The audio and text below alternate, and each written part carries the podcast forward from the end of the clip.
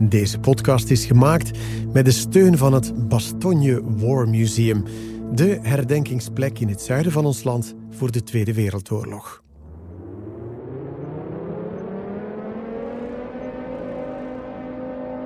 Tachtig jaar geleden woedde de laatste oorlog in onze gewesten.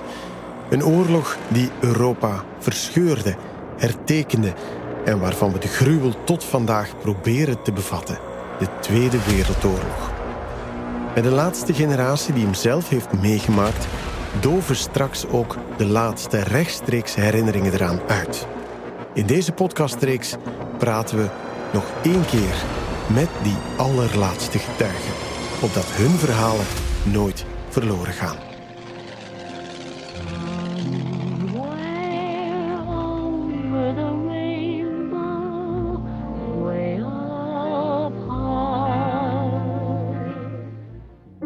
25 september 1939. Op de radio zingt Judy Garland Somewhere Over the Rainbow. Over een jong meisje dat wil ontsnappen aan de zorgen en dat de wolken achter zich wil laten. Aan de andere kant van de regenboog.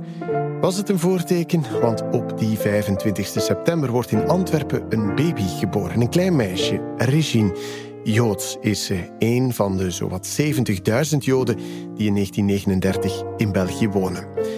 Vijf jaar later zal er maar de helft meer van overblijven. Bijna 25.000 zullen de nazi's er op transport zetten vanuit de Dossin-kazerne in Mechelen naar de poorten van de waanzin.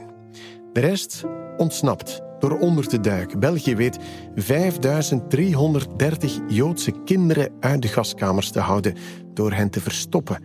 En Regine is er daar één van. Vandaag is ze 83. Sinds kort mag ze zich barones noemen. Als eerste Joodse vrouw ooit. Een beloning voor haar onafgebroken inzet om de herinnering aan de Jodenvervolging levend te houden. Wat nog het meest verbaast, wanneer ze thuis haar verhaal vertelt, de grote dankbaarheid die ze nog altijd koestert voor het leven. Trots en vol vuur praat ze nadat ze jaren stil is gebleven. Uit schuldgevoel voor wie het niet heeft overleefd. Vandaag, voor ons, praat ze. Ik ben Regine Schloesny van geboorte, gehuwd met Georges Tucholsky. Ik had een oudere broer die in 1932 geboren is en een tweede die in 1937, Marcel en Elias. En ik zelf ben geboren op 25 september 1939 in Antwerpen.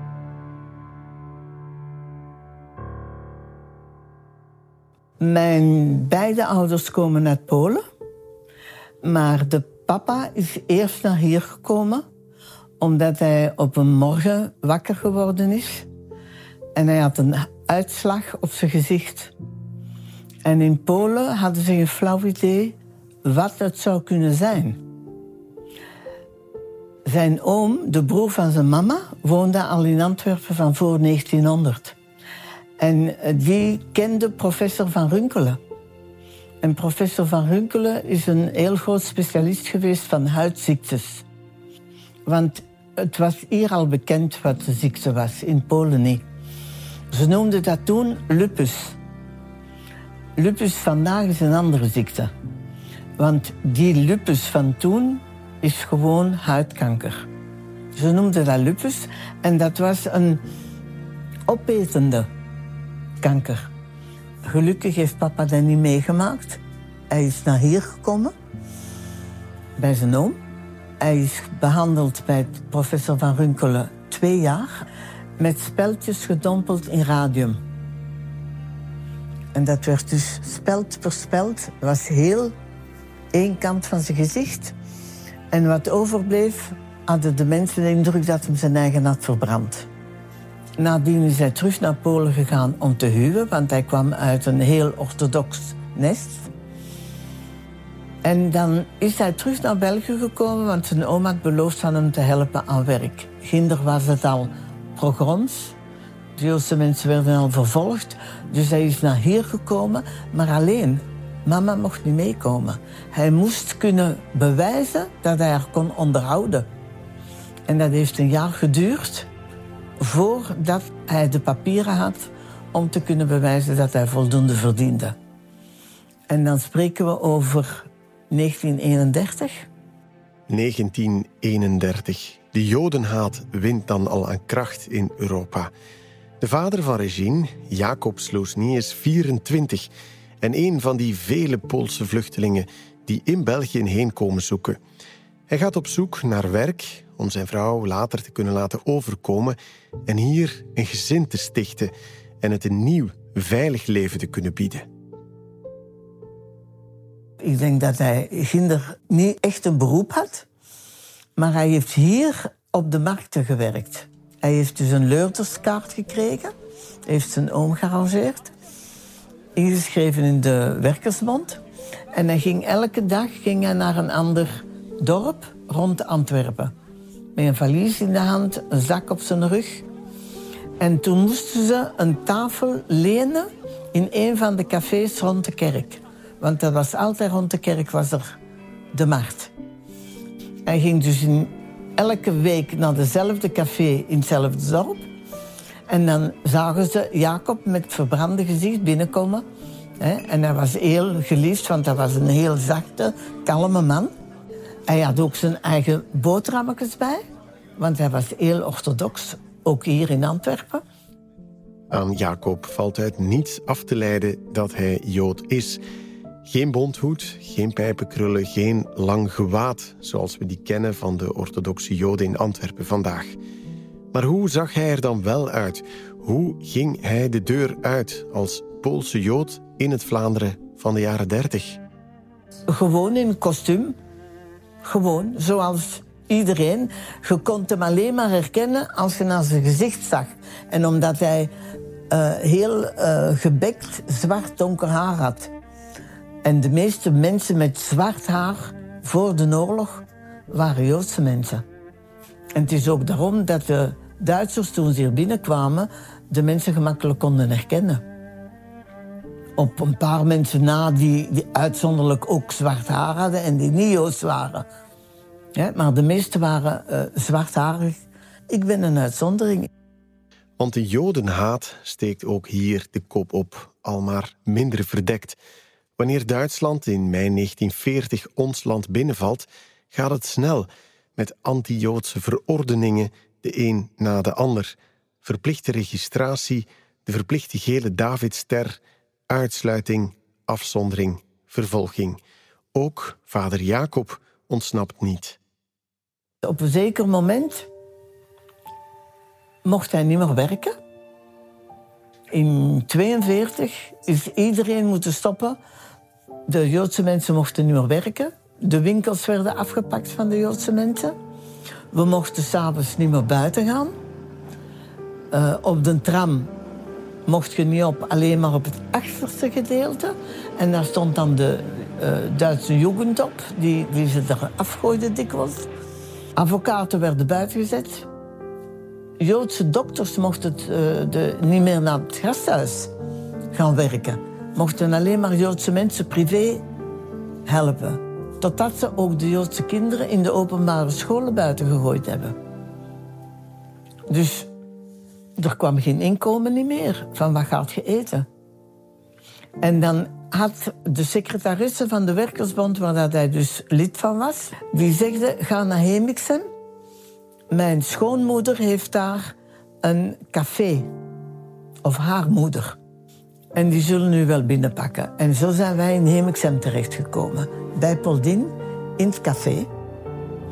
Wij waren boven op tweede verdiep, hadden wij twee kamertjes. En de enige die naar beneden mocht, dat was ik. Omdat ik blond was, mijn broers hadden alle twee zwart haar. Die mochten niet naar beneden, want de mensen die in het café kwamen pinten drinken en moppen vertellen, die mochten niet weten dat er boven Joodse mensen verstopt zaten. Dus overdag moest dat heel kalm zijn, behalve ik als 2,5-jarige. Ik mocht naar beneden gaan spelen op de koer.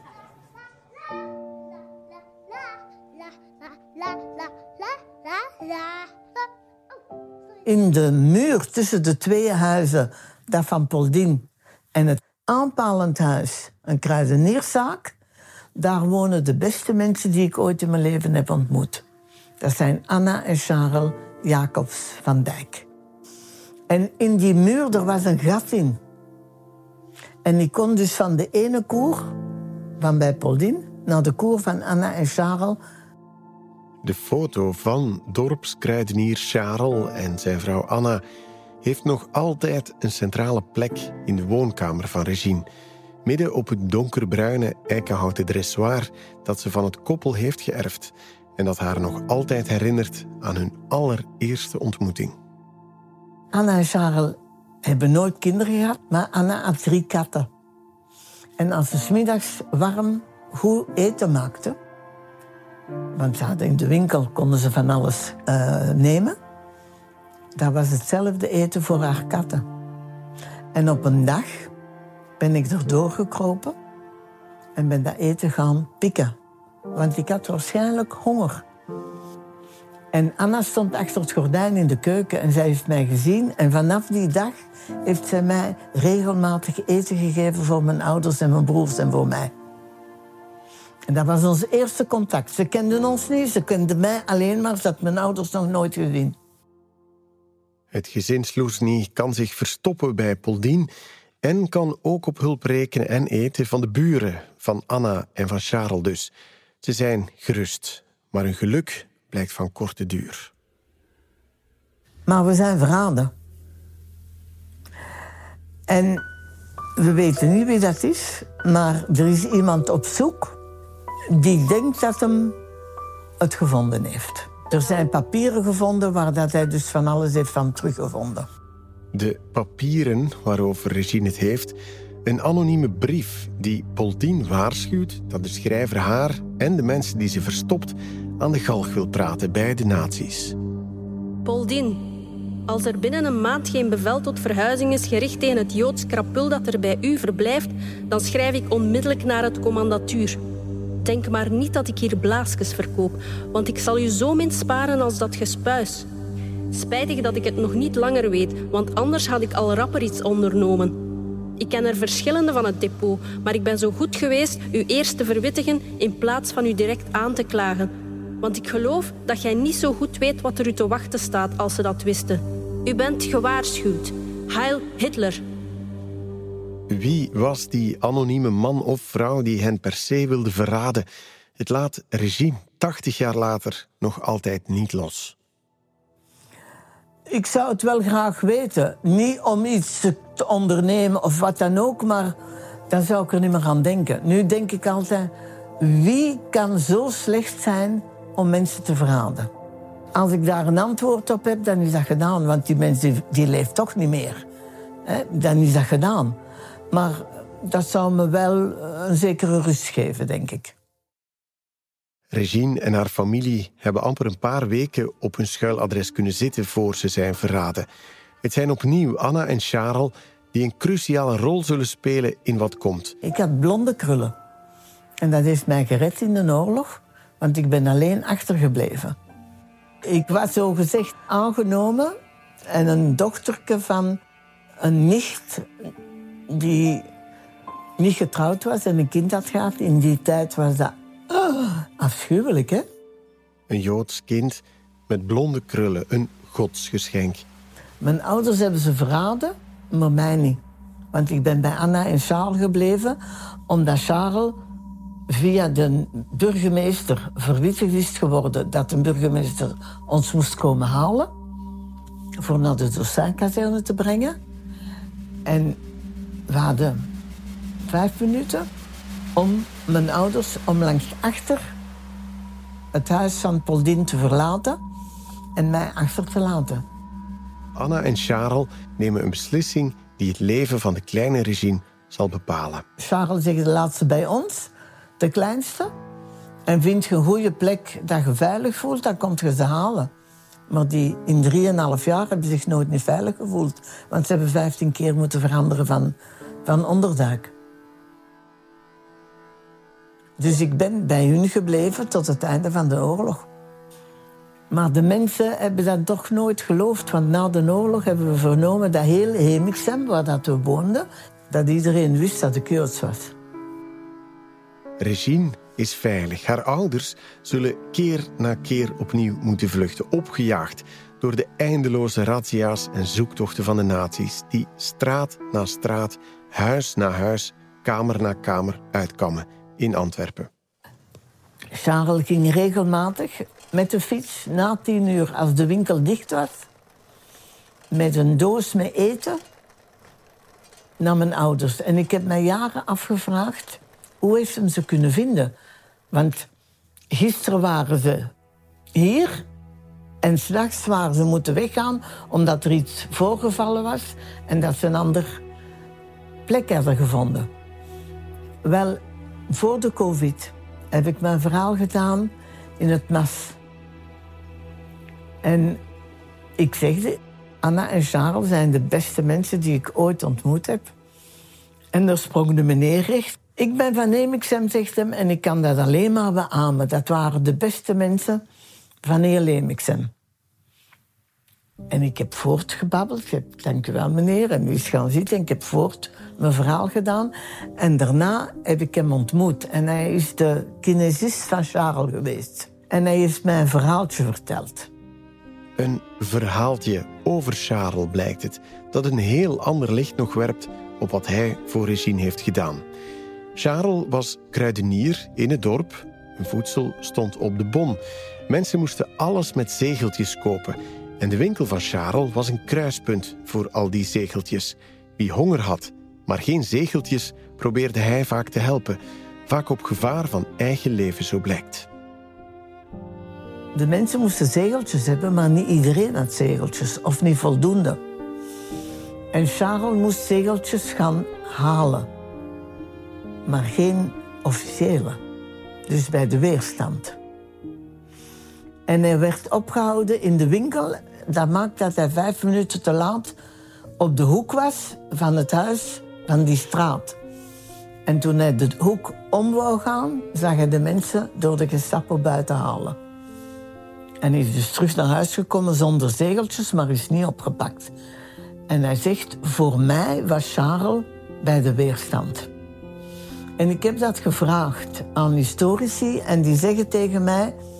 de weerstand had in alle dorpen iemand die belangrijk was, die voor hun werkte. En Charles was belangrijk, want ze kwamen van Hoboken en van Boom kwamen ze bij hem inkopen. Omdat hij ervoor zorgde dat de mensen iets hadden. Dus daarom moet Charles ook geweten hebben dat mijn ouders iedere keer, waarschijnlijk door de weerstanders, een ander adres hadden gekregen.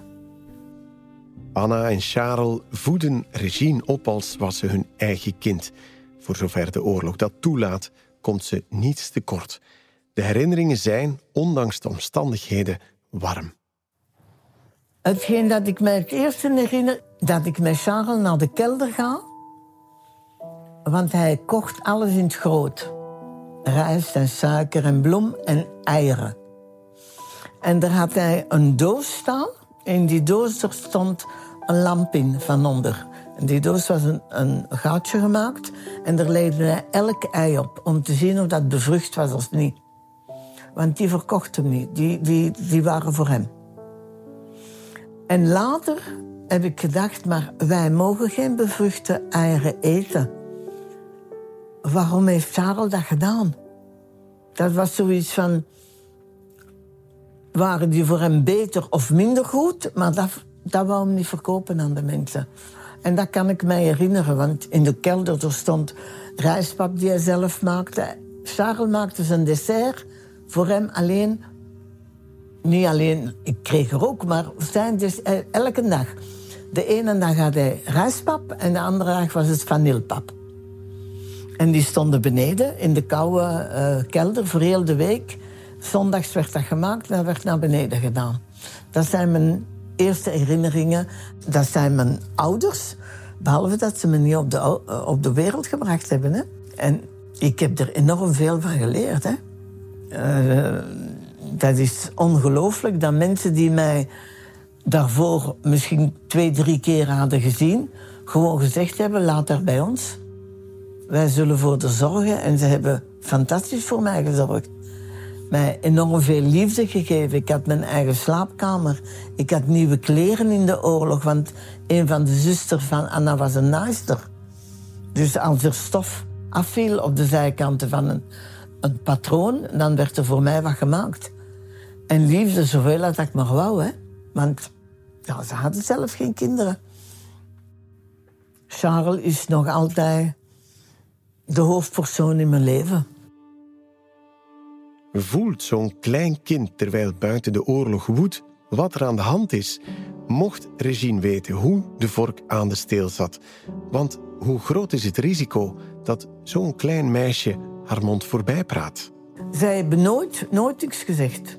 Alhoewel dat ik wist dat ik ouders had. Dat moet ik aangevoeld hebben. Want Anna heeft mij een paar keer gevraagd... zou je mij niet moeke willen noemen? En mijn antwoord volgens Anna, dat ze mij later verteld heeft, is geweest... volgende week beginnen we Anna. En die volgende week is nooit gekomen. In de zomer van 1944 komt er voor het eerst wat goed nieuws. De geallieerde troepen geraken via Normandië ons land weer binnen.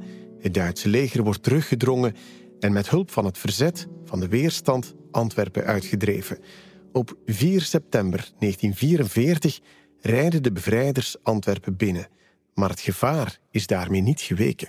Luisteraars, juist vijf jaar nadat Engeland Duitsland de oorlog verklaarde, verneemt de wereld het grote nieuws. De geallieerde troepen staan op Belgische bodem. Ik weet dat ik met de kinderen meegelopen ben, omdat ze uh, aan het roepen waren. De Amerikanen zijn er Amerikanen, het waren geen Amerikanen, het waren Canadezen in, in. En ze zijn aan het kasteeltje. En aan het station, er waren twee Duitse soldaten die nog verstopt zaten in een huis rechts voor het station. En die hebben geschoten op de kinderen. Niemand is geraakt geweest, maar die, ja, die kregen schrik waarschijnlijk. En Charles heeft me dan op de fiets gezet en is met mij tot aan de Canadezen, want ik heb een foto van een Canadees die mij op zijn arm houdt. Dat, dat kan ik me nog herinneren. De euforie was enorm. Straten vol feest en gezang, geallieerde soldaten als helden onthaald. Mensen die bovenop de tank sprongen en hun bevrijders vol op de mond kusten. En tegelijk was er ook woede, haat na vier jaar bezetting en onderdrukking. Wie had samengewerkt met de bezetter, kreeg nu de rekening gepresenteerd. Collaborateurs zagen hun hele inboedel op straat gegooid en in brand gestoken worden. Van vrouwen werd het haar afgeschoren. Ze kregen hakenkruisen op hun gezicht geschilderd en werden in elkaar geslagen, ook in Hemixem. Toen de Duitsers zijn gaan lopen naar de, um, de kazerne die er is, hè, de depot. De mensen kwamen allemaal uit hun huizen met potten en pannen en stoelen en, en, en pollepels, noem het maar op. En dat kan ik me herinneren. En die probeerden van erop te kloppen. Ja, die mensen konden er ook niet. Veel van die soldaten die, die wilden ook geen soldaat zijn hè, in, in de oorlog, maar ze moesten wel. En dat, dat zijn zo van die kleine dingen die ik me kan herinneren. Maar van de oorlog zelf, nee. Het is de toewijding en de liefde van Anna en Charles die Regine de oorlog doorhelpt. En nu wordt ze herenigd met haar ouders en broers die de oorlog zijn doorgekomen op ontelbare cafézolders rond Antwerpen. De bevrijding is een feest, maar voor Regine, vijf jaar oud dan, betekent het ook dat ze plots een leven moet opnemen dat ze zelf nooit heeft gekend. Als dochter van een Antwerps-Pools gezin dat de kleine Regine helemaal vreemd is.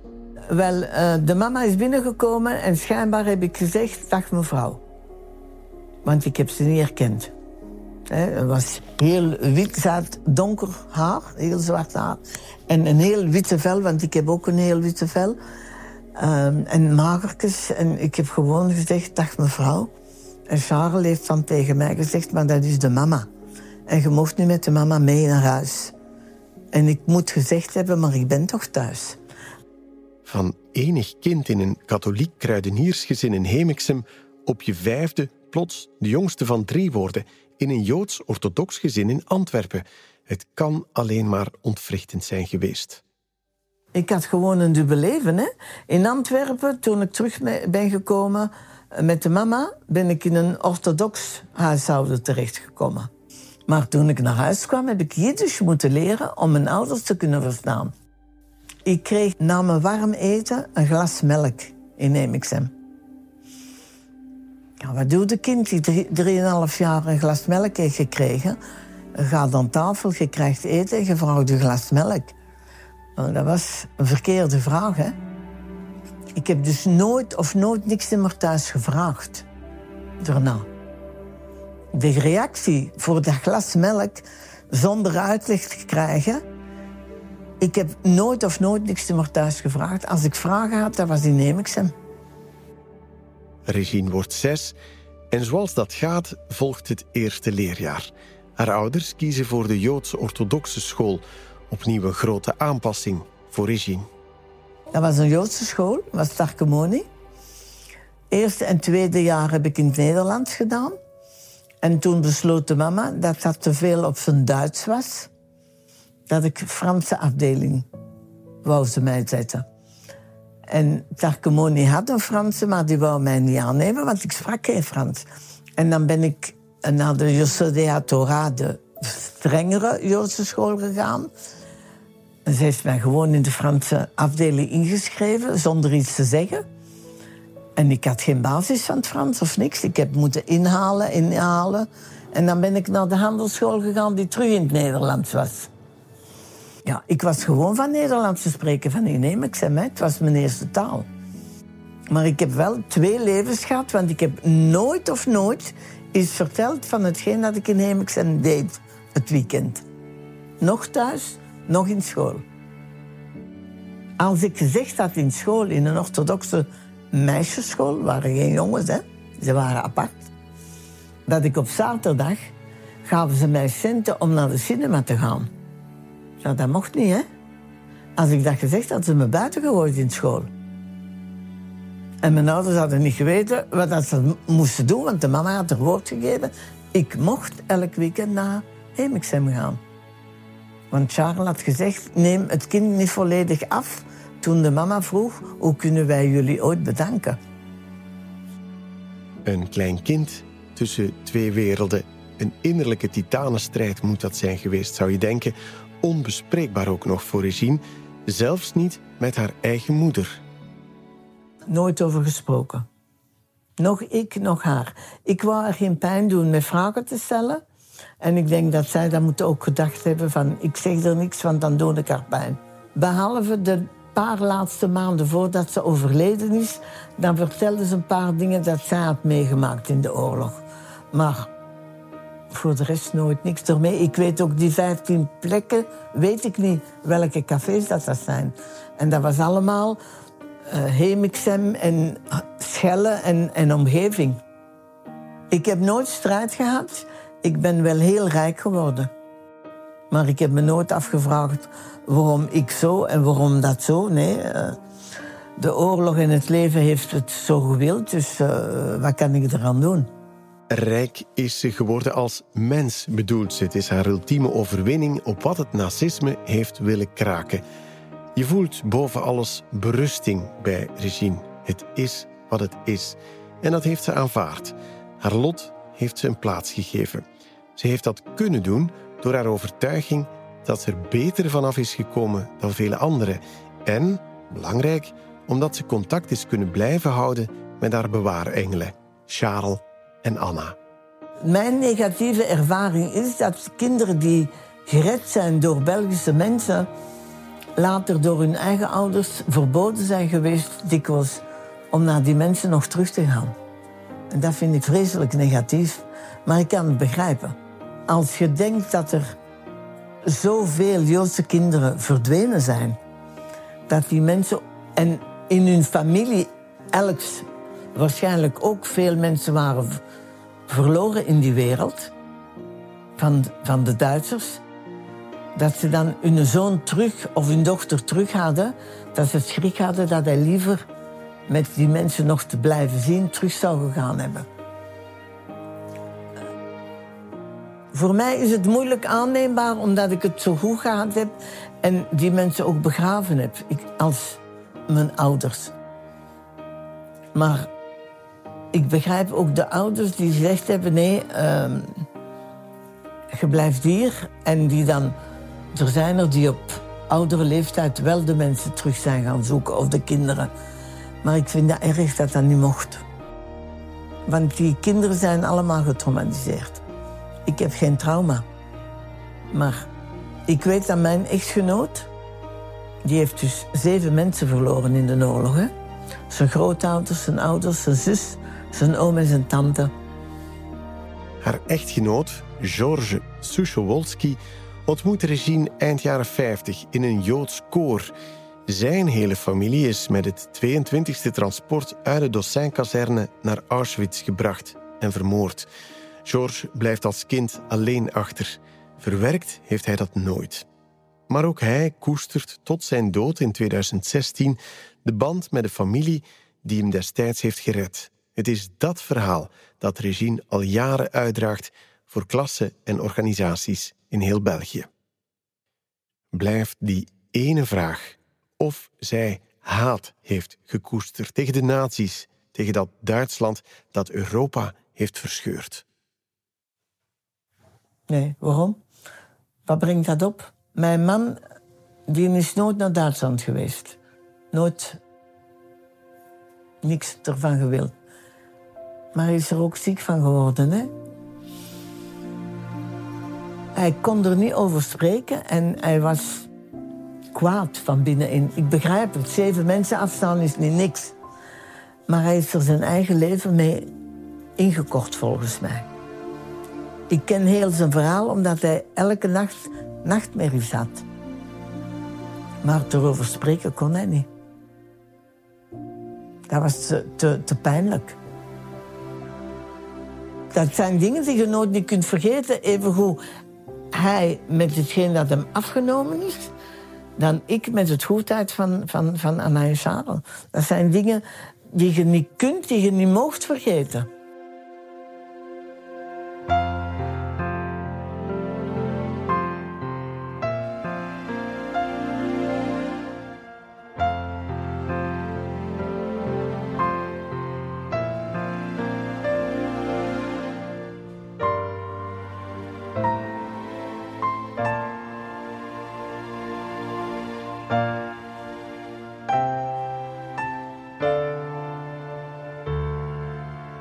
Heeft deze getuigenis van Regine Sleusny geraakt?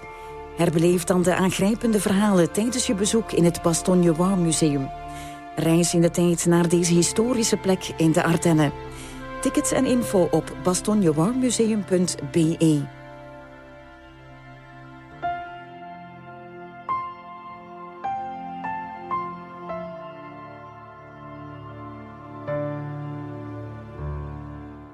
Dit was een podcast van HLN. Wil je op de hoogte blijven van nieuwe afleveringen en andere HLN-podcasts? Ontdek ze in jouw HLN-app of in de auto met CarPlay en Android Auto. Montage en productie waren het toegewijde werk van Ilse Himschoot. Voor sounddesign, muziek en postproductie stond Sami Miraya in. En ik, ik was Freek Braakman.